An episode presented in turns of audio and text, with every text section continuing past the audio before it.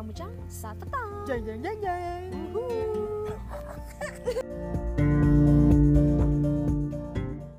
apa yang terjadi sama kita tuh sedikit banyak pasti berasal dari pikiran. di Hmm. saat ini gue jatuh nanti juga enggak lagi kan dulu dulu juga gitu gue mikir kayak gitu aja sih Hal pertama dari tiga hal itu yang pengen gue capai adalah kebahagiaan yang lebih dari sebelumnya gitu kan. hmm. Terus gitu, dua, tiga. Halo, hey. Akhirnya bincang betang kembali setelah sekian abad. terakhir tuh episode kita yang mana ya? question and answer. Iya, yang Q&A kan ya. Itu kayaknya udah agak lama sih. emang konsistensi yang sangat payah. Enggak, Kayak kita kita udah masuk bulan Februari lagi tanpa tanpa kerasa nggak sih? Kayak tiba-tiba Februari kayak Tapi- bener-bener Januari tuh kayak angin lewat eh gimana ya? Gue merasa Januari itu bulan yang panjang tapi juga sekaligus pendek sih. Kayak kalau dibilang cepet ya lama sih, tapi kalau dibilang lama cepet. Udah Februari lagi gitu. Jadi gue bingung mendeskripsikan Januari. gue bahkan kayak nggak ngerasa gitu kayak tiba-tiba Februari aja kalau menurut gue pribadi kayak cepet banget sih Oke jadi kali ini hari ini kita tuh bakal bahas tentang pergantian tahun inilah intinya apa yang kita rasakan di 2020 Yes. proyeksi kita di 2021 harapan-harapan kita Yap. dan apa yang mm, 2020 ajarkan kepada kita secara tidak langsung gitu ya Oke. jadi gimana tahun 2020 Luti? ya mungkin seperti kurang lebih seperti 2020 orang-orang juga ya a little bit shocking karena eh, dibilang banyak rencana yang gagal ya iya tapi em, seburuk itu juga enggak sih. Maksudnya bukan tahun terbaik gue tapi enggak buruk-buruk banget juga. Masih ada hal yang bisa gue mm, capai dan mungkin itu bukan goal gue karena gue emang bukan tipe orang yang ngeset goal di awal tahun gitu loh. Gue Ya, bukan ya, tipe sama. orang yang eh, resolusi gue tahun ini mau ini ini ini. Tapi gue kayak punya rencana tahun ini eh, gue pengen kayak gini gini gini deh kayaknya. Kayaknya semua itu nggak tercapai kecuali gue lulus aja sih itu Ya, aja sih tapi setidaknya Barang ada lah ya. setidaknya iya ada ya. setidaknya ada Itu eh, pencapaian gue lagi sesuatu yang harus disyukuri juga tuh. iya benar kalau lu kalau lu gimana tahun 2020 lu gimana dari segi apa dulu ya secara general dulu deh secara general gimana Secara general emang gue mau ceritain yang spesifik. nah bisa aja nanti kita bicara tentang topik yang lebih spesifik Boleh jujur sih 2020 itu tahun yang di mana gue bener-bener banyak dihujam eh, kepahitan. oke kayak bener-bener gue merasa pribadi 2020 itu kayak ngajarin gue jadi ngajarin gue banyak hal gitu. Bahkan masalah-masalah di tahun 2020 pun ada yang masih belum terselesaikan sekarang, terutama di diri gue sendiri gitu. Mm-mm. Cuman banyak banget aja hal-hal yang gue pelajari. Dan gak kerasa banget gak sih? Udah hampir setahun kita tuh hidup sama COVID. Iya, kadang gue merasa, wow, udah mau setahun gitu. Iya. Terus Apakah gue tuh, mulai terbiasa dengan semua Nah. ini? nah itu dia. Gue tuh sekarang tuh kayak rasanya tuh antara kangen sama mikirin gimana kalau misalnya kehidupan kita tuh udah balik kayak biasa lagi gitu. Mm-mm. Gimana kalau kuliahan harus tatap muka, meeting Oh, sama iya, orang perlu perlu ketemu langsung, nggak nggak pakai online platform gitu. Sedangkan selama ini gue jadi kayak merasa eh, tumbuh jadi socially awkward gitu gara-gara COVID ini. Iya, karena eh, hampir setahun tuh bukan waktu yang sebentar dan kita kayak lama-lama udah mulai terbiasa sama pola-pola itu gitu kan ya. Mm-mm. Gue udah mulai terbiasa banget gitu, nggak nggak nggak mesti melulu ketemu banyak orang Mm-mm. dalam hal kerjaan atau kuliahan gitu, udah kebiasa banget hidup kayak gini-gini aja. Gue takut gue jadi bakal canggung banget untuk eh, bersosialisasi lagi Iya, gitu kalau seperti biasa. lagi ke normal. Tapi tapi gue yakin sih kalau misalnya nanti kehidupan bakal balik lagi ke normal pasti proses transisinya nggak kayak yang tiba-tiba banget gitu ya nggak sih? Iya iya sih pasti. Pasti kan kayak sedikit-sedikit dulu. gitu. Iya iya. Tapi di sisi lain gue juga nggak sabar sih buat kayak ketemu banyak orang Iya tanpa dong. takut lagi gitu. Tentunya dong. Iya. Terus kadang-kadang ya, kadang-kadang terbesit aja gitu di pikiran gue. Buset, kalau kayak gini terus, gue kapan ketemu jodohnya nih ya? Gimana nih caranya ketemu jodoh gue gitu. Tapi tapi kayak apa ya banyak lagi gitu yang nyadarin gue ya elah jodoh mah kadang suka ketemu aja gitu walau dirasa Heeh, walau dirasa situasinya nggak memungkinkan gitu kan dan kadang gue kasihan juga sih sama kayak anak sekolahan sekarang gitu yang harus belajarnya tuh eh, nggak tatap muka. Iya, apalagi kalau yang kayak harus praktek-praktek gitu ya gak sih? Iya, kayak sekolah kita kan dulu banyak prakteknya kan. Hmm, gue ngebayangin aja sih itu eh, gimana mereka belajar tanpa praktik. Iya, dan selain itu gue juga kayak apa ya? Masa sekolah itu kan bener-bener masa yang penuh penuh dengan kenangan gitu. Iya, Sesuatu yang banyak dikenang tuh justru di masa-masa itu kan. Mm-mm, capek tapi seneng gitu. Mm-mm, mm-mm. Tapi sekarang mereka harus ngerasain pressure besar sekolah online. Terus bahkan mungkin eh, bisa jadi mereka juga nggak punya teman gitu. Ya mungkin kayak chattingan aja atau nggak pernah ketemu sebelumnya kayak misalnya dari SMP transisi ke SMA. Mereka Mm-mm, kan mungkin belum punya teman gitu kan. Iya, terutama yang kayak baru-baru masuk kayak adik gue gitu lah. Iya, adik gue juga kan baru masuk SMA terus kayak Oh iya, adik gue juga, adik lu juga belum pernah ketemu teman-temannya berarti ya? pernah sih, cuman beberapa kali kan ke sekolah juga. Cuman kayak beda aja gitu feelnya punya temen Iya, iya. yang selam kalau dulu kan kita kayak setiap hari ketemu, jadi bondingnya tuh ada gitu ya kan? Iya, dan ada gimana? Ya feel-nya beda aja sih kalau Hmm. main secara langsung gitu. Ya, ya Dan ini tidak berlangsung lama sih. ya amin sih. Kayak dulu juga kan sekolah kita ada di lapangan ke Jawa Bali Mm-mm. dan pas tahun-tahun corona ini jadi nggak ada. Mm-mm. Padahal itu bener-bener momen yang banyak banget kenangannya gitu. Gue kayak ngerasa sedih untuk mereka gitu kayak wah, aduh. Itu padahal gue sampai sekarang masih banyak hal-hal yang nggak bisa gue lupain dari kenangan-kenangan kayak gitu kan.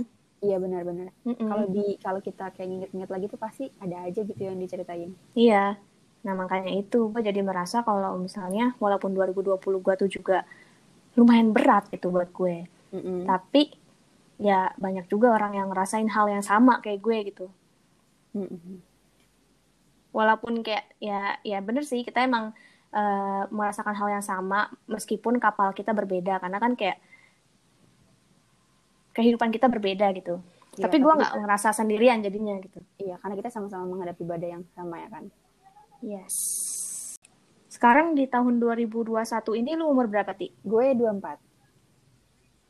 nah kaget gak lu dengan umur yang udah segitu Jangan tanya gue. Enggak, enggak. Tapi itu tapi itu umur yang masih muda sih menurut gue. iya iya tapi maksudnya kayak tiba-tiba gitu dua 20 tuh kayak tiba-tiba cucuk cucuk 24 gitu cucuk cucuk 23 gue udah 23 kan sekarang. Lebih kaget ke dan kayak gimana ya? Kayak berasa tua aja sih gue dengan umur itu. Iya, iya. Tapi gue kadang-kadang kan gue suka bilang kan, ih gue berasa tua banget. Tapi gue takut menyinggung orang yang umurnya lebih tua daripada gue. Terus mereka merasa, anjir lu tua bagi gue. Apalagi sama depan gue. Iya, tapi tapi jujur gue merasa tua gitu. Padahal gue masih 23 ya. Hmm. Oh tapi gue mau nanya nih, Em, kan lu bilang maksudnya 2020 tuh mengajarkan lu banyak hal ya. Gue yakin pasti em, ada hal baik tapi ada juga hal buruk yang menimpa lu yang yang memberi lu banyak banget pelajaran. Ada nggak sih titik titik di mana lu merasa itu tuh lowest pointnya lu di 2020 atau justru ada nggak sih titik balik yang eh, lu merasa itu tuh ya turning point banget dalam hidup lu yang terjadi di tahun itu gitu? Hmm, berat banget ini pertanyaannya. Eh, intinya tuh di tahun 2020 ini tuh bisa gue bilang, bisa gue bilang ini titik balik kehidupan gue, yes. Lowest point of my life, yes. Mungkin karena gue juga eh, masa transisi kali ya.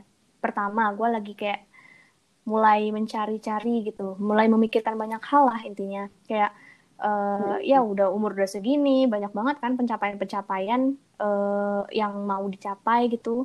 Jadi gue banyak berpikir tentang major-major things gitu loh, hal ya Hmm. karena gue benar-benar banyak merasakan eh apa ya dihujam dihujam berbagai berbagai hal gitulah dan dari berbagai sisi. Itu sih yang Hmm. bikin kayak ini tuh berat banget karena kayak di berbagai sisi gitu.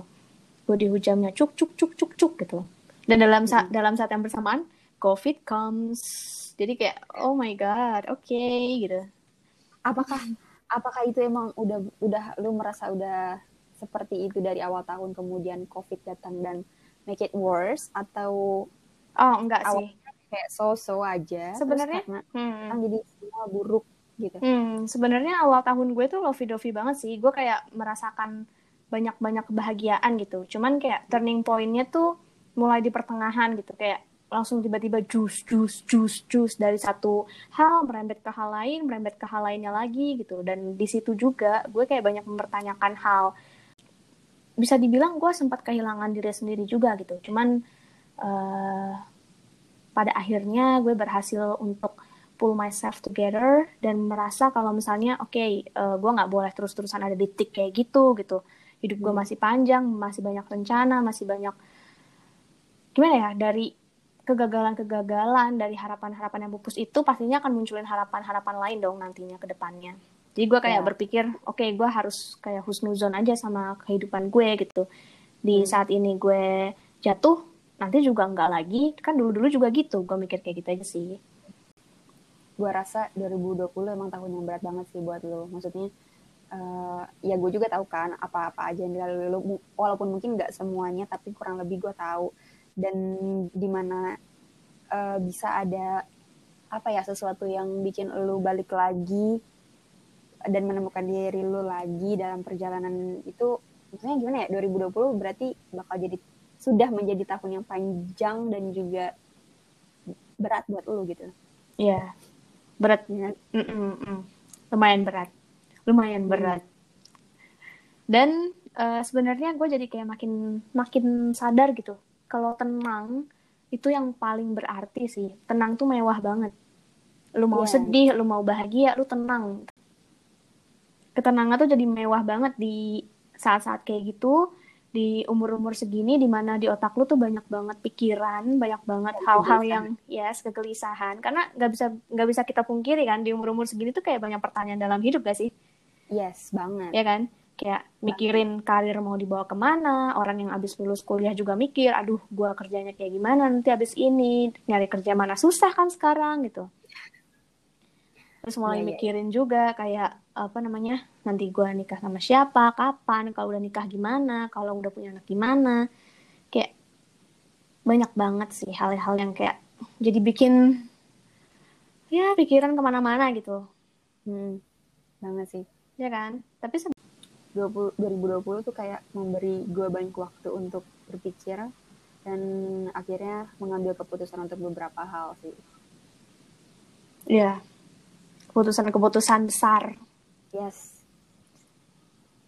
Yang nantinya bakal nentuin gimana kehidupan lu berlangsung selanjutnya. Iya, iya, iya. Tapi ya. gue merasa sih 2020 ini kayak lagi dikasih waktu gitu untuk merenung sendiri gitu. Soalnya kan ya. lebih banyak waktu, gue merasa gue lebih banyak waktu karena gue uh, kuliah juga nggak harus ke kampus kan. Dan dengan gue di rumah terus kayak gini tuh jadi banyak aja waktu. Karena perjalanan gue tuh lumayan panjang gitu untuk ke kampus atau ke kantor. Dan ya jadi banyak waktu untuk berpikir merenung apa yang harus gue lakukan yang baik dan enggak yang harus gue tinggalin. Ya mungkin emang dikasih kesempatan untuk mikir gitu. Walaupun kadang ini mungkin jadi bumerang juga ya. Maksudnya uh, banyak berpikir dan merenung berkontemplasi ya bagus. Tapi kan kadang sebagai overthinker kebanyakan berpikir itu nah. bawa petaka juga kadang-kadang. yes yes. Yes balik lagi gimana kita mengontrol diri kita sendiri sih. Iya sih. Sebenarnya gue percaya sih kalau kayak kita terlalu banyak berpikir kadang-kadang nggak baik juga apalagi kita berpikirnya tuh kayak berpikir kemungkinan-kemungkinan buruk doang kebanyakan gitu. Mm-hmm, benar. Nah, ketika kemungkinan buruk itu beneran terjadi ke depannya, berarti kita menderita dua kali dong. Pas kita mikirin itu, sama pas itu beneran terjadi. Iya, iya banget. Tapi teorinya gampang, prakteknya susah untuk nggak mikir. Oke, okay, so far gimana 2021 lu? Ini masih Februari, tapi gimana yeah. 2021 lu sejauh ini? 2021 gue sudah gue Januari dulu ya Januari gue sudah gue tutup dengan resolusi yang gue sebenarnya tahu dari awal tidak akan tercapai tapi selalu gue canangkan di awal tahun. Jadi gue nggak tahu sejak uh, kapan gue selalu punya rencana di awal tahun tuh oke okay, tahun ini gue harus uh, punya resolusi resolusi gue adalah membaca satu buku satu bulan ya kan tapi hmm. itu semua selalu hancur di bulan Februari karena Januari nggak pernah ada satu buku yang gue baca habis hmm. jadi itu tuh kayak resolusi berulang gue yang nggak pernah bisa gue penuhi mungkin dari tahun-tahun sebelumnya ya iya dari tahun-tahun sebelumnya gue nggak tahu dah udah berapa kali gue merencanakan Hmm, itu hmm, hmm. tapi gue tahu sih itu bukan sesuatu yang realistis buat gue lakukan jadi gue kayak ya udah oke ya gue tahu ini akan gagal Tapi kalau menurut gue baca Seperti buku tuh jangan dipaksain banget sih.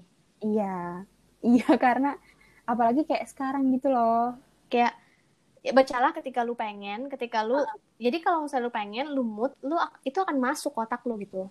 iya karena kadang gue baca buku kalau kayak waktu gue masih kalau masih bulan Januari kan masih bisa ngejar gitu ya Iya. gue mau baca buku tuh kayak ah apaan tadi yang gue baca gue jadi kayak nggak nangkap sendiri Nah, nah, Nah, akhirnya gue ya udah deh yes. kalau gue lagi nggak mau nggak usah dibaca Iya, iya. Nggak kerasa udah setahun juga ya kita buat podcast ya? Apa udah lebih? lebih lah kita kan mulai 2019 akhir cuy November Oh iya, apa, Deng. apa gitu Oh iya, Deng. Oh iya, Deng. 2019. Di saat-saat itu ya. Ya udah oh iya saat-saat itu gue ingetnya karena gue masih skripsian sih waktu itu gue jadi baru sadar tan eh, tanpa sadar kita tuh nge-record perjalanan kita selama setahun ini dalam rekaman suara dan Iya. jadi maksudnya gimana ya itu kayak representasi mood kita juga nggak sih Iya. dan setelah selama setahun tuh ya ada perubahan dan kita bisa recall perubahan itu Nah, iya. Apalagi nanti kalau kita udah tua, kita ngedengerin podcast kita lagi yang ini. iya sih banget udah. Anjrit dulu kita pernah ngomong kayak gini, anjrit gitu. nggak penting banget ngomongin itu Banyak sebenarnya hal-hal yang pengen gue omongin di podcast tuh. Di 2021 ini gue salah satu harapan gue adalah lebih banyak membuat karya. Termasuk Karya. dalamnya podcast. Hmm, karya apa aja yang maksudnya dalam bentuk apa aja yang pengen lu buat dan eh, kalau gue boleh bertanya kenapa lu pengen membuat karya-karya itu Ya, sebenarnya gue nggak terlalu punya alasan sih untuk itu. Mm-mm. Simply karena gue suka ketika melakukannya itu sih. Hmm. Maksudnya ketika membuatnya, misalnya nulis blog, gue juga eh, nge-podcast, itu tuh gue suka buatnya gitu. menurut gue itu alasan yang bagus sih maksudnya Hmm. eh, alasan lu itu berarti pure karena itu datang dari keinginan diri dan hati lu aja gitu. Nggak ada eh, alasan-alasan terselubung lain gitu. Ya, terselubung tuh apa maksudnya ya? maksudnya gue gue lebih suka proses ketika gue membuatnya sih. Kayak Hmm, menggali-gali ide kayak gitu tuh gue suka banget. Nah karya makanya gue melakukannya. Nah, karya-karya yang kayak gitu tuh menurut gue menghasilkan karya-karya yang pure lu gitu. Karena ya Ada. dari hati gitu ya ah, karena kayak nggak ada dorongan-dorongan dan atau intensi-intensi lain kecuali ya keinginan hati lu aja gitu. That's good. kalau lu ti apa keinginan terbesar lo di tahun 2021 ini Kalau dibilang keinginan terbesar, terbesar berarti kan harus maksudnya satu hal yang paling besar gitu ya. Nggak tahu juga sih. Karena gue bukan tipe orang yang kayak merencanakan sesuatu secara bukan nggak merencanakan sesuatu juga sih. Gimana ya? gue bingung jawabnya. mungkin lo nggak menahan diri lo untuk tidak berekspektasi kali eh sepertinya sih seperti itu karena ketika eh, gua udah nge- ngeset gue harus melak- harus harus mendapatkan ini gitu kan kadang emang ya secara nggak sadar gue jadi berekspektasi itu emang harus tercapai itu harus jadi gini gini gini gini gini gitu tapi kalau secara umum gue udah eh, pernah nge-tweet tuh di awal 2021 itu adalah disebut resolusi ya enggak juga sih tapi gue harap 2021 gue itu uh, will be happier, healthier, and wealthier. Jadi tapi ini ini penjelasannya bisa panjang loh ya nggak panjang-panjang banget sih. Gue jelasin ya. tapi itu udah kayak mencangkup semua aspek kehidupan yang emang kita pengen capai ya sih Iya. secara garis besar Tapi gini, uh, kenapa gue sebutnya happier, healthier, wealthier? Kenapa happier dulu? Karena menurut gue di atas semua itu, di atas uh, apa namanya kesehatan dan kekayaan, menurut gue gue tuh harus bahagia dulu. Jadi hal pertama dari tiga hal itu yang pengen gue capai adalah kebahagiaan yang lebih dari sebelumnya gitu kan. hmm. Meskipun gue tahu um, bahagia itu nggak mungkin datang sendiri, dia pasti datang sama kesedihan kan. Tapi gue berharap 2000 2021 ini gue menemui uh, lebih banyak kebahagiaan dibanding tahun sebelumnya. Hmm. Selanjutnya healthier lah tentu aja ya maksudnya uh, kesehatan di masa-masa kayak gini tuh jadi hal yang mewah banget gak sih? iya iya Iya kan? iya Jadi gue berharap uh, 2021 ini jadi bisa membuat gue lebih sehat juga. sebenarnya gue tuh untuk untuk mencapai ini ya gue udah berencana untuk um, kayak rajin olahraga gitu-gitu. Tapi kayak di bulan Februari ini gue sadar apakah itu bisa tercapai? Karena gue udah mulai rada-rada males gitu. Bisa bisa bisa. Gue sempat berpikir gini tak gue sempat berpikir apakah gue harus ikut kelas zumba. Tapi gue tapi gue belum jadi daftar kelasnya. Sebenarnya itu membantu sih. Kayak lu bakal yeah. lebih uh, disiplin karena ya lu udah bayar jadi lu kayak nggak hmm. mau menyanyikan itu gitu. Iya karena karena gue uh, bakal lebih baik kalau emang udah ada jadwalnya sih. Yes yes. Ya yeah, let's think about that lah ya. Yang terakhir wealthier lah tentu saja. Wealthier itu kan di sini dalam hal uh, finansial kekayaannya gitulah. Ya ya ya I know what you mean. Ya yeah. tapi uh, untuk mencapai it's all we want. Iyalah tapi untuk mencapai si resolusi yang ketiga itu kan nggak melulu dengan maksudnya gue harus mendapatkan lebih banyak uang ya dengan gue uh, melakukan financial planning yang lebih baik juga itu uh, salah satu cara gitu jadi menurut gue wealthier tuh nggak melulu soal gimana lu menambah income tapi juga gimana lu mengelola income lu dengan lebih bijaksana ya, aja. benar benar benar. Itu akan jadi topik kita selanjutnya kan? Menambah penghasilan sih ya. Eh, penghasilan gak sih kalau misalnya kayak gitu? Pendapatan ya. sama penghasilan beda gak sih? Sama lah, menurut gua sih. Iya sih. yang beda sih gua. uh, iya sih benar benar. Gak uh harus dengan kita nambah duit kita dengan misalnya uh, gaji yang lebih gede atau pendapatan yang lebih banyak, mm -hmm. tapi bisa juga dengan mengelola uang yang kita punya sampai bisa nyampe sampai bisa mencapai goal kita gitu tentunya menambah income juga baik ya tapi uh, menurut gua untuk uh, belajar financial planning dan mengatur keuangan lu dengan lebih baik itu sesuatu yang lebih sulit dibandingkan nambah income. Iya benar sih, benar sih. Karena sebanyak apa pun uang lu, kalau misalnya budgeting lu uh, kurang, itu akan tetap kurang gitu uangnya, ya, ya gak sih? Makanya gua financial planningnya itu harus benar-benar dikaji banget makanya gue menempatkan wealthier ini di resolusi 2021 gue biar gue uh, lebih terdorong lagi untuk belajar. Ya benar-benar benar sebenarnya harap satu ini juga nggak jauh dari dari lu sih. Maksudnya bahkan bisa dibilang sama gitu ya. Gue juga pengen apa yang lu pengen itu. Karena sepertinya apa yang gue inginkan adalah yang semua orang inginkan juga. Betul. Gue juga pengen 2021 ini banyak kebahagiaan kebahagiaan yang bisa membuat gue lebih semangat meskipun ada kesedihan-kesedihan juga gitu. Mm -mm. ya karena nggak mungkin juga gitu nggak ada kesedihan tuh nggak mungkin banget sih. Dan gue uh, pribadi pengen banget menjadi lebih tenang. Menjadi pribadi yang lebih tenang atau kenapa gue kayak uh, pengen banget kedamaian aja gitu. Mm -mm. apa pun yang terjadi gue pengen uh, eh, gue bisa mengontrol diri gue supaya lebih tenang ngelepasin diri gue dari kegelisahan-kegelisahan dan kecemasan-kecemasan yang sebenarnya nggak perlu gitu. Lebih husnuzon lagi sama hidup sendiri, sama takdir, dan sama kebaikan-kebaikan yang mungkin nanti datang. Gue kayak uh, merasa apa yang kita pikirin tuh mungkin bisa sejalan sama apa yang terjadi nanti ke depannya gitu. Gue setuju sama itu sih. Apa gue selalu ya kan? setuju bahwa apa yang terjadi sama kita tuh sedikit banyak pasti berasal dari pikiran. Yes yes. Jadi gue kayak pengen mengontrol diri gue supaya lebih tenang lagi dalam menjalani kehidupan ini. Mm. kehidupan yang penuh lika-liku. Kontrol diri itu emang hal yang sangat-sangat sulit dilakukan sih. Yes.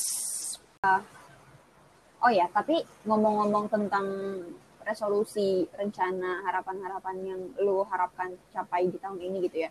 Lu tuh tipe orang yang kayak merencanakan um, target-target lo dengan detail nggak sih? Kayak misalnya tahun ini target gua harus mencapai ini. Uh, berarti milestone-nya harus gini gini gini gini di minggu kesekian gue udah harus kayak gini lu tipe-tipe yang kayak gitu gak sih apa lu kayak cuman hmm. set the goal dan apa yang akan lu lakukan tuh kayak ada di kepala lu gitu hmm sebenarnya gue uh, kalau untuk hal-hal yang bisa gue kendalikan bisa gue kontrol hmm? itu tuh gue pasti merencanakan sih misalnya uh, gue kayak nargetin di bulan ini gue udah harus kayak gini supaya nanti goalnya itu tercapai gitu. Oke. Salah satu contohnya mungkin kuliah ya. Mm-mm. Karena di tahun 2021 ini eh, itu idealnya gue lulus Uh-uh. dan itu adalah jadi jadi udah jadi target gue gitu di tahun 2021 ini gue lulus gitu. Gue harus lulus. Jadi untuk mencapai itu ya di tahun di bulan di bulan Februari misalnya gue udah harus bla bla bla bla bla di bulan April nanti harus bla bla bla bla bla itu udah gue set sih Mm-mm. kalau kayak gitu. Cuman untuk hal-hal yang di luar kendali gue, maksud gue kayak mm, sesuatu yang mungkin datangnya tuh nggak bisa cuman karena usaha gue doang gitu, Oke. tapi ya sesuatu yang mungkin eh, campur tangan takdir juga gitu. Mm-mm. Ya sebenarnya lulus kuliah juga campur tangan takdir sih, tapi ngerti kan maksud gue? Gimana ya? Kayak lebih reachable, reachable aja Ya. gitu. Ya tingkat tingkat eh, bisa dicapainya gitulah ya berbeda. Maksudnya Nah untuk hal-hal yang eh, kita bisa bukan menggenggam juga sih. Ya, gue gue paham maksud lo sih. Iya, iya, iya. Untuk hal-hal yang lebih sulit untuk gua kendalikan, yang eh, masih abu-abu banget gitu, itu tuh nggak gua rencanain sih. Cuman gue berharap, berharap. Gue nggak pernah berhenti berdoa, Hmm. tapi ya gue juga nggak terlalu expect banyak gitu. Gimana ya? Supaya lebih tenang aja. Itu tadi karena resolusi gue untuk menjadi lebih tenang, gue eh, kayak meredam ekspektasi gue gitu. Banyak banyak ekspektasi yang gue redam sih. Hmm. Cuman gue tetap berdoa, gue tetap berdoa dan Iya. tetap berharap gitu. Berarti lu ya sebenarnya sama aja kayak gue sih kayak nggak nggak membuat itu harus begini harus begitu maksudnya nggak Iya, nggak berencana harus kayak gitu banget karena lu nggak mau diri lu sendiri berekspektasi gitu kan iya, iya. Bahkan sekarang gue jadi semakin gede, gue semakin kayak takut untuk berekspektasi gitu.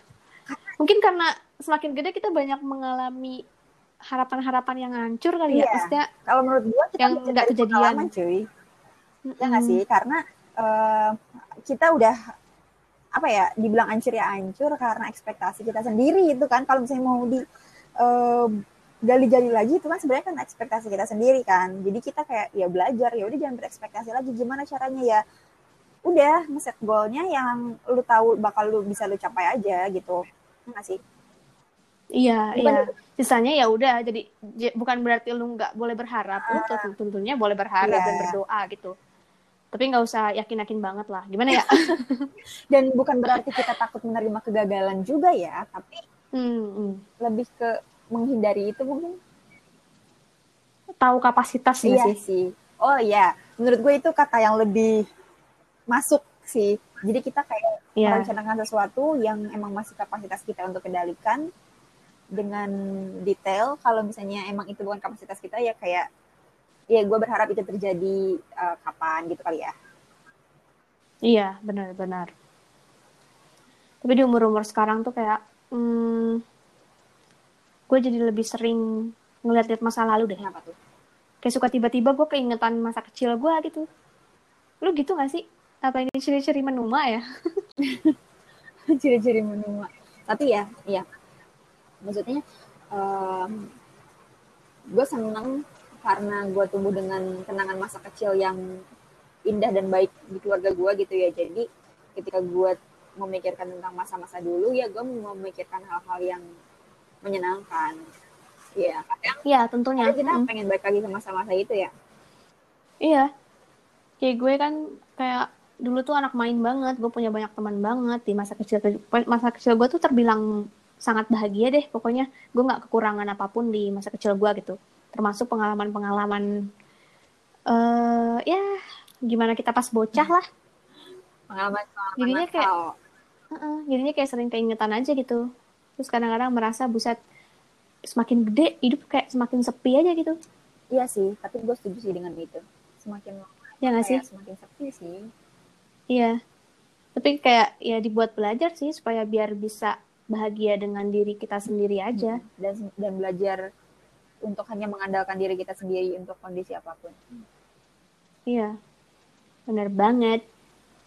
Yes, yes. Hmm, 2021. Ini udah udah 2021. Udah 6 tahun kita lulus SMA berarti ya? 6 tahun nggak sih? Apa 5 tahun? Tahun ini enam tahun, jalan enam tahun. Eh, 5. Iya, li- kan kita lulus mm, Oktober 2016. Jadi tahun ini Iya, iya. enam tahun. Eh, tahun ini lima Lima. tahun. Iya kan? Iya. Uh, tapi lo ngerasa gak sih kayak anak zaman sekarang gitu ya lebih banyak yang di umur-umur segini tuh krisis identitasnya kayak lebih lebih dibandingkan yang zaman dulu. Mungkin nggak semuanya ya, cuman kayak uh, orang-orang zaman dulu yang gue tahu, misalnya contohnya ibu gue gitu, cerita-cerita juga nggak pernah gitu sampai benar-benar merasakan krisis identitas yang parah gitu, yang sampai kehilangan semangat hidup or something gitu. Sedangkan uh, di lingkungan sekitar gue, anak-anak sumuran gue tuh banyak merasakannya gitu sekarang. Hmm. Kayak yang mendasari, yang bikin kayak gitu gitu. Hmm. Kalau kalau ngomongin dibandingkan masa lalu, gue nggak tahu sih karena gue nggak pernah dengar cerita-cerita itu. Maksudnya ibu bapak gue nggak pernah cerita-cerita tentang itu. Uh, tapi kalau yang gue rasain iya emang kayak hmm, di umuran sekarang di lingkungan-lingkungan gue emang hal itu tuh kayak banyak banget terjadi dan kayak terjadi sama semua orang gitu lah ya. Kenapa ya? Hmm. Kayak kenapa? Karena ini juga gak sih? Apa ya? Perubahan zaman itu kayak udah pasti sih perubahan zaman dan teknologi sih menurut gua Iya, media menurut gua faktor besar sih. Mm -mm, karena kayak penyebaran informasi itu jadi cepet banget. Iya, jadi kita pengaruh. Uh -uh, jadi misalnya ada teman kita, kita bisa ngelihat gitu dia udah sampai di titik mana di kehidupan dia gitu. Mm -mm. Dan akhirnya tanpa sadar kita kayak wah dia udah sampai situ, kita kok masih di sini aja. Pressure-nya jadi lebih tinggi gak sih? Iya, iya, iya, iya. Menurut hmm. gue itu salah satu faktor yang utama sih. Mm-mm, kita bisa membandingkan hidup kita dengan banyak orang hmm. yang mungkin rata-rata seumuran sama kita dan pencapaiannya udah lebih tinggi gitu. Kita jadi kayak nge-compare dan akhirnya menciptakan pressure sendiri. Berarti sebenarnya itu dibuat sendiri ya? Yes, yes. Talking about pressure ya. Gue pernah baca, tapi gue lupa baca di mana sih. Pokoknya kayak penelitian gitu. Um, pokoknya dia bilang kalau pressure hidup anak-anak zaman sekarang tuh emang lebih tinggi dibandingkan eh, anak-anak yang seumuran kayak kita sekarang di zaman dulu sih.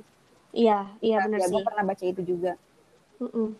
Tapi sebenarnya itu kayak dibuat kita sendiri karena uh, tanpa sadar kita kayak ngeset goal aja, ngeset goal-goal ideal. Padahal sebenarnya uh, relatif juga gitu, nggak semua orang bisa dikatakan uh, harus harus mencapai itu ketika umur segini atau hmm. semacamnya gitu. Benar benar benar benar. Menurut lo kenapa sih hal-hal itu tuh terbentuk di masyarakat? Maksudnya uh, contohnya nih ya kayak lu tuh umur 30 udah harus punya rumah, lu umur sekian udah harus menikah, lu umur sekian udah harus punya anak. Gol-gol kayak gitu tuh menurut lu datangnya dari mana sih? Mbak uh, ini dulu deh. Sebelumnya hal-hal kayak gitu banyak terjadi nggak di lingkaran lu? Misalnya kayak keluarga kayak gitu gitu di lingkaran gue di lingkaran di lingkaran uh, orang-orang terdekat gue sebenarnya jujur aja terjadi sih. Mm -hmm. entah di keluarga atau mungkin di lingkungan lingkungan pertemanan gue di ya seputar itulah. Terjadi sih kayak uh, tanpa sadar orang tuh punya ideal-idealnya sendiri gitu. Misalnya uh, lingkungan gue kayak ngeset contohnya untuk hal nikah ya. Mm -hmm. di 25 itu kayak udah uh, ideal lah untuk menikah. Itu kayak umur maksimal orang terutama cewek untuk menikah. Dan kalau misalnya di atas itu itu kayak udah tua gitu. Udah udah uh, harusnya lu udah punya udah punya suami kalau saya udah di umur segini gitu. Dan entah ya kenapa itu jadi habitual jadi kayak set standar orang. Gue nggak ngerti kenapa. Hmm. tapi itu benar-benar real terjadi sih. Kayak yeah. orang-orang sekitar uh, ngeset standar gitu.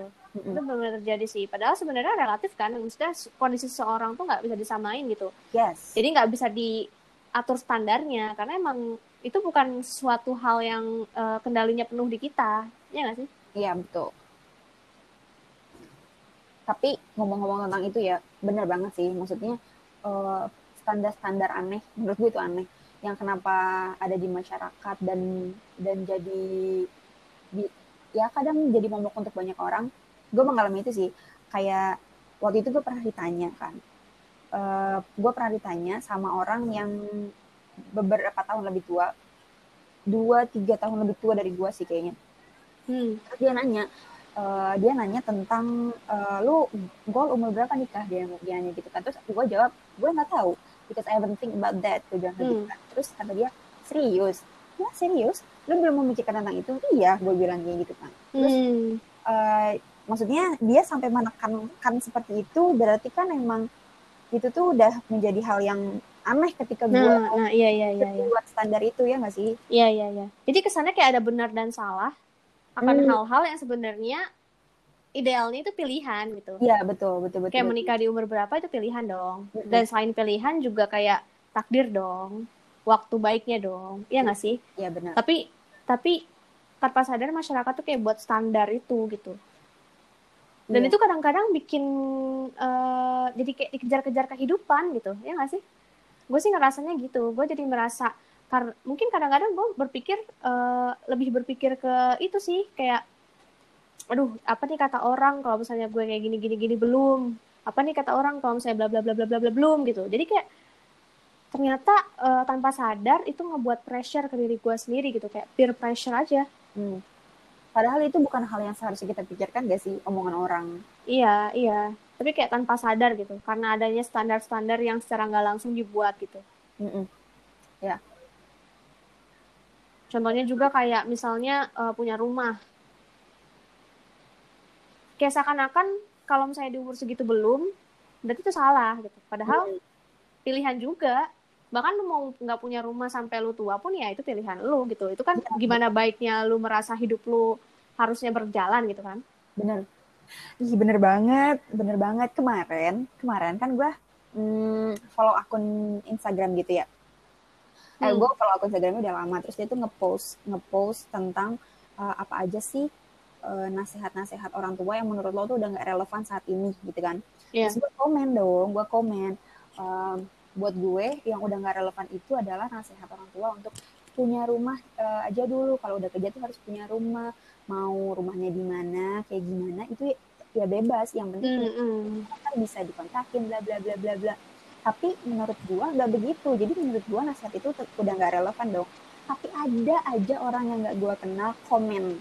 Dia komen tapi kak em, har- apa namanya tanah itu nggak akan nambah harga rumah itu selalu naik bla bla bla bla, bla. Hmm. ini ya Iya, maksudnya iya, iya, iya, iya. ya gua nggak mau mengikuti standar itu karena gua Hmm. punya alasan gua sendiri ya kan Iya, Tapi iya, iya, iya.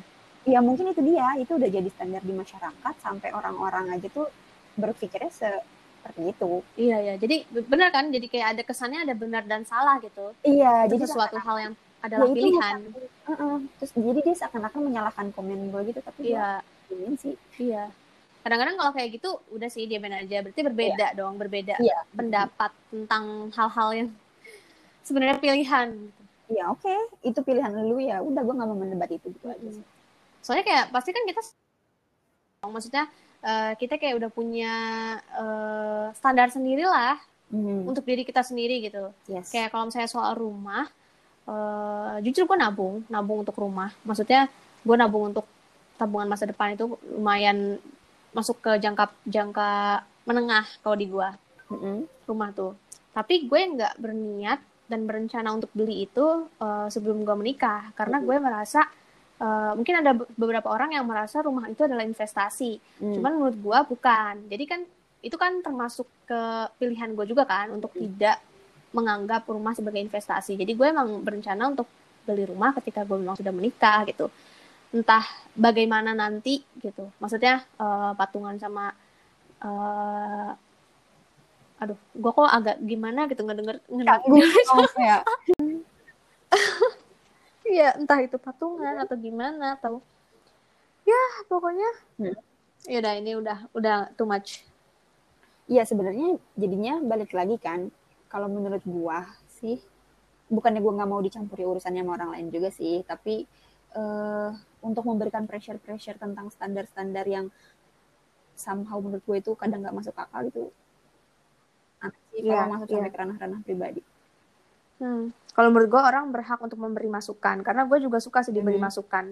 Suka ada aja gitu jadinya yang kayak oh iya ya titik terang kehidupan gue tuh kayak dari masukan-masukan Iya, orang gitu. Cuman kalau menurut gue untuk menentukan dan memaksakan itu kayak hmm, jangan deh mendingan Merefleksi urusan-urusan pribadi itu ya kayak memaksakan memaksakan pendapat dia sampai gue harus membenarkan juga pendapat dia kan harusnya Hmm. enggak ya?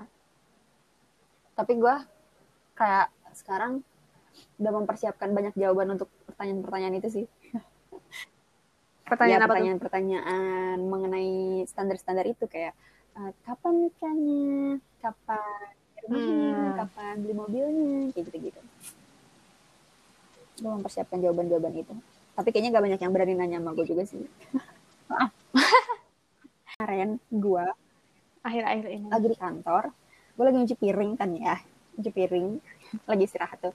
Terus eh, tiba-tiba ada yang ada OB kantor yang nyamperin gue dan out of nowhere dia nanya eh, kak udah nikah? Dia nanya gitu kan.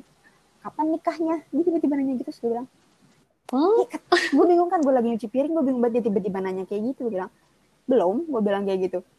Terus mungkin mungkin dia kaget kali ya gue cuma jawab kayak gitu doang. Karena gue cuma cuma jawab belum cuma jawab gitu doang. Terus dia bilang Hmm. oh ntar kalau nikah undang ya. Iya gue jawab gitu aja. Eh tapi gue jadi inget gue baca di Twitter gitu tweet orang apa pede bang apa namanya nanya-nanya mulu kapan nikah? Pede banget mau diundang. Bener- Agak bener, juga sih. Karena kadang-kadang kadang-kadang yang nanya mungkin kan kayak basa-basi gitu orang-orang yang gak terlalu Iya. deket kan. Ya emang lu bak- dalam hati emang lu bakal diundang. Kalaupun banyak kayak iya. gitu yang kayak gak terlalu deket yang kayak ketemu seminggu cuman sekali dua kali tiba-tiba nanyain eh kapan nikahnya sangat tidak penting Nah, karena gue tuh di tahun 2021 ini pengen lebih Hmm. tenang ya gitu. Jadi em, untuk mencapai itu tuh ketika gue lagi resah, ketika gue lagi mikirin pencapaian-pencapaian gue yang belum tercapai, itu tuh gue kayak suka merenung sendiri, terus gue ngeliat aja gitu kayak pencapaian-pencapaian yang sekarang lagi gue rasakan, yang dulu pernah gue impikan dan sekarang udah gue rasakan Hmm. gitu. Kayak iya sih benar sih, nanti juga bakal tercapai entah kapan gitu, atau mungkin kalau misalnya nggak tercapai pun nantinya pasti bakal ada sesuatu lagi yang lain gitu. Jadi gue itu salah satu cara perwujudan gue supaya lebih tenang. Hmm. dengan percaya Dan gue ya, dan gue mulai melakukannya gitu ketika gue lagi pikirannya lagi gak jelas, lagi cemas gitu. Gue tuh kayak, eh iya gue udah dapat ini loh, gue udah mencapai hal ini loh, yang dulu tuh gue pengen-pengenin banget gitu. Gue sekarang lagi merasakan ini loh, karena sia-sia aja kan kayak ketika kita udah mencapai suatu pencapaian yang sebelumnya, terus pas kita itu tuh kita kayak nggak sempat untuk menikmatinya, kita malah kayak gelisah sama pencapaian-pencapaian lainnya yang baru gitu, yang belum tercapai. jadi kita kayak nggak living today Iya. Kayak selalu nge-planning, nge-planning, nge-planning, mikirin depan, mikirin depan, mikirin depan, tapi nggak live in the present gitu. Padahal banyak hal yang bisa dinikmati di present ini. ya menurut gue itu penting juga sih karena hmm, apa ya dengan banyaknya tekanan-tekanan terus kayak kita dikejar-kejar segala sesuatu kita selalu berpikir berpikir ke depan berpikir berpikir visioner gimana uh, future kita nanti. Padahal kita hidupnya di masa sekarang gitu. Iya sih bener. Iya, bener kadang kan? dia nggak mm, nggak nggak menyadari secara utuh bahwa uh, hidup gue sekarang itu adalah apa yang gue inginkan di masa lalu gitu. Nah, nah, ya, bener. kadang Kayak- utuh menyadari itu Mm-mm, mungkin itu pentingnya kita ini kali ya, kayak eh, sering-sering mikirin apa sih yang dulu kita impiin, terus kita udah capai sekarang gitu. Makanya sebenarnya gue tuh selalu menulis impian-impian gue gitu, terutama yang besar-besar. Itu gue tulis gitu. Jadi ketika udah tercapai itu tuh gue checklist. Ini baru-baru sih, kayak tahun 2018-an lah gue baru kayak gitu. kayak Hmm? bucket list gitu Ya, semacam bucket list. Jadi hal-hal yang ingin gue capai ketika udah tercapai gue checklist. Tapi itu baru kayak tahun 2018. 2018. udah banyak Jadi yang not really, cuman eh, ya lumayan lah. Tapi not itu really ya lah. maksudnya dengan itu lu sadar bahwa oh iya ini tuh Iya, uh, dulu gue inginkan dan ternyata udah berhasil loh gue capai iya. Contoh kecilnya aja nih ya. Dulu tuh gue kan suka banget baca ya dari Hmm. dulu. Dari gue SMP lah, gue suka baca. Nah, pas SMP ini tuh gue kayak suka langganan ke perpustakaan karena emang gue pribadi nggak punya buku gitu. Maksudnya eh, untuk beli satu buku itu gue harus nabung beberapa lama sampai akhirnya gue bisa kebeli itu buku gitu. Waktu itu buku pertama yang gue beli tuh Kambing Jantan Raditya Dika, gue inget banget. Dan itu tuh satu gue punya satu buku aja ya, sampai lecek cuy, gue bawa tidur, gue kesiniin, gue kesanain, kayak itu tuh kayak berharga banget buat gue Hmm. gitu. Nah, jadi dulu tuh eh, impian gue pas kecil, impian gue pas SMP itu simply eh, gue pengen punya banyak buku, pengen punya rak yang penuh dengan buku gitu. Dan tanpa gue sadari, sekarang tuh udah tercapai. Maksudnya, gue udah punya banyak buku gitu sekarang. kayak uh, yang dulu tuh gue pengenin banget dan kadang gue nggak sadar itu juga bentuk impian gue dulu loh itu juga salah satu impian gue dulu hmm. gitu walaupun cuma sederhana itu sekarang tuh karena saya sederhana padahal dulu itu impian besar gue gitu hmm.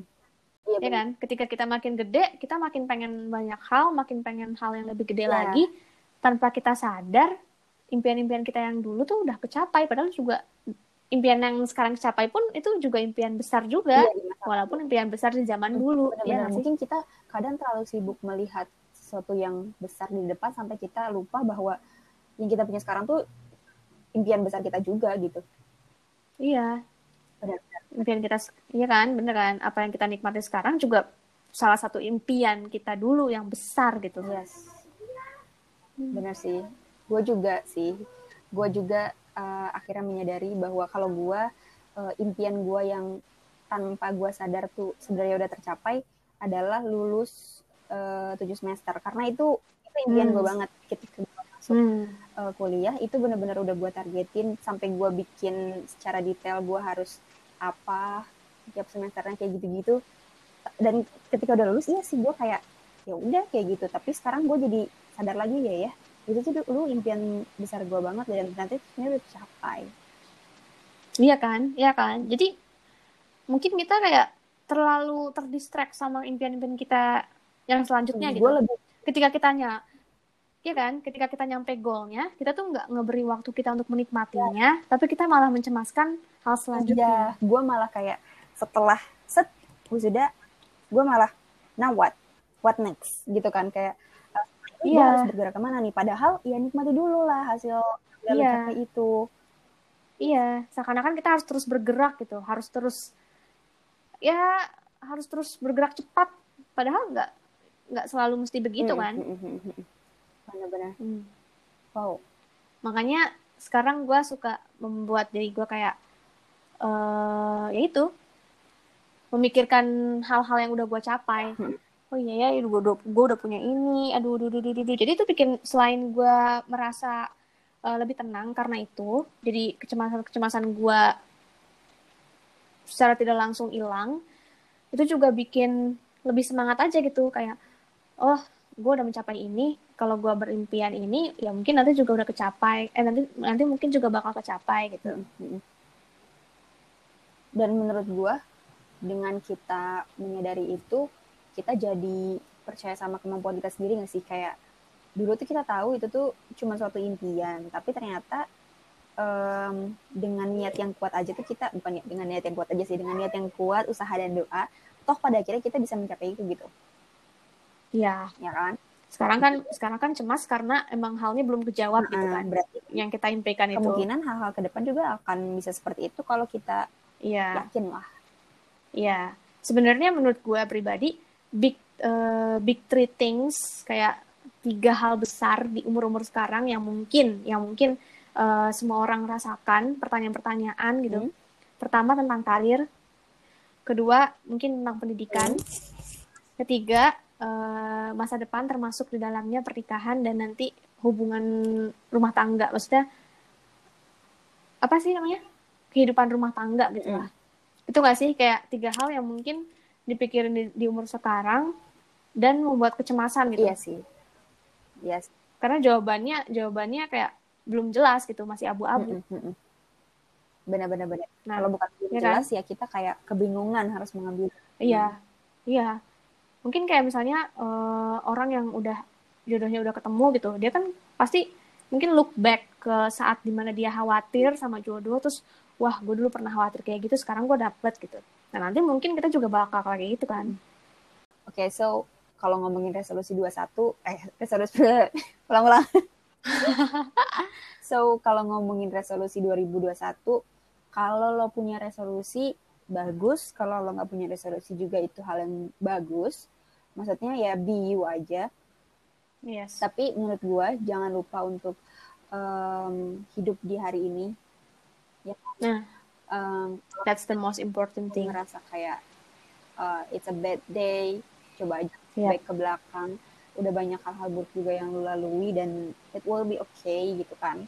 Yes ya, yes. 2021 ini hmm, jadi tahun yang lebih baik buat kita semua sih. Amin. Semoga kita bisa lebih uh, diberikan ketenangan dalam menjalani kehidupan ini gitu ya. Amin.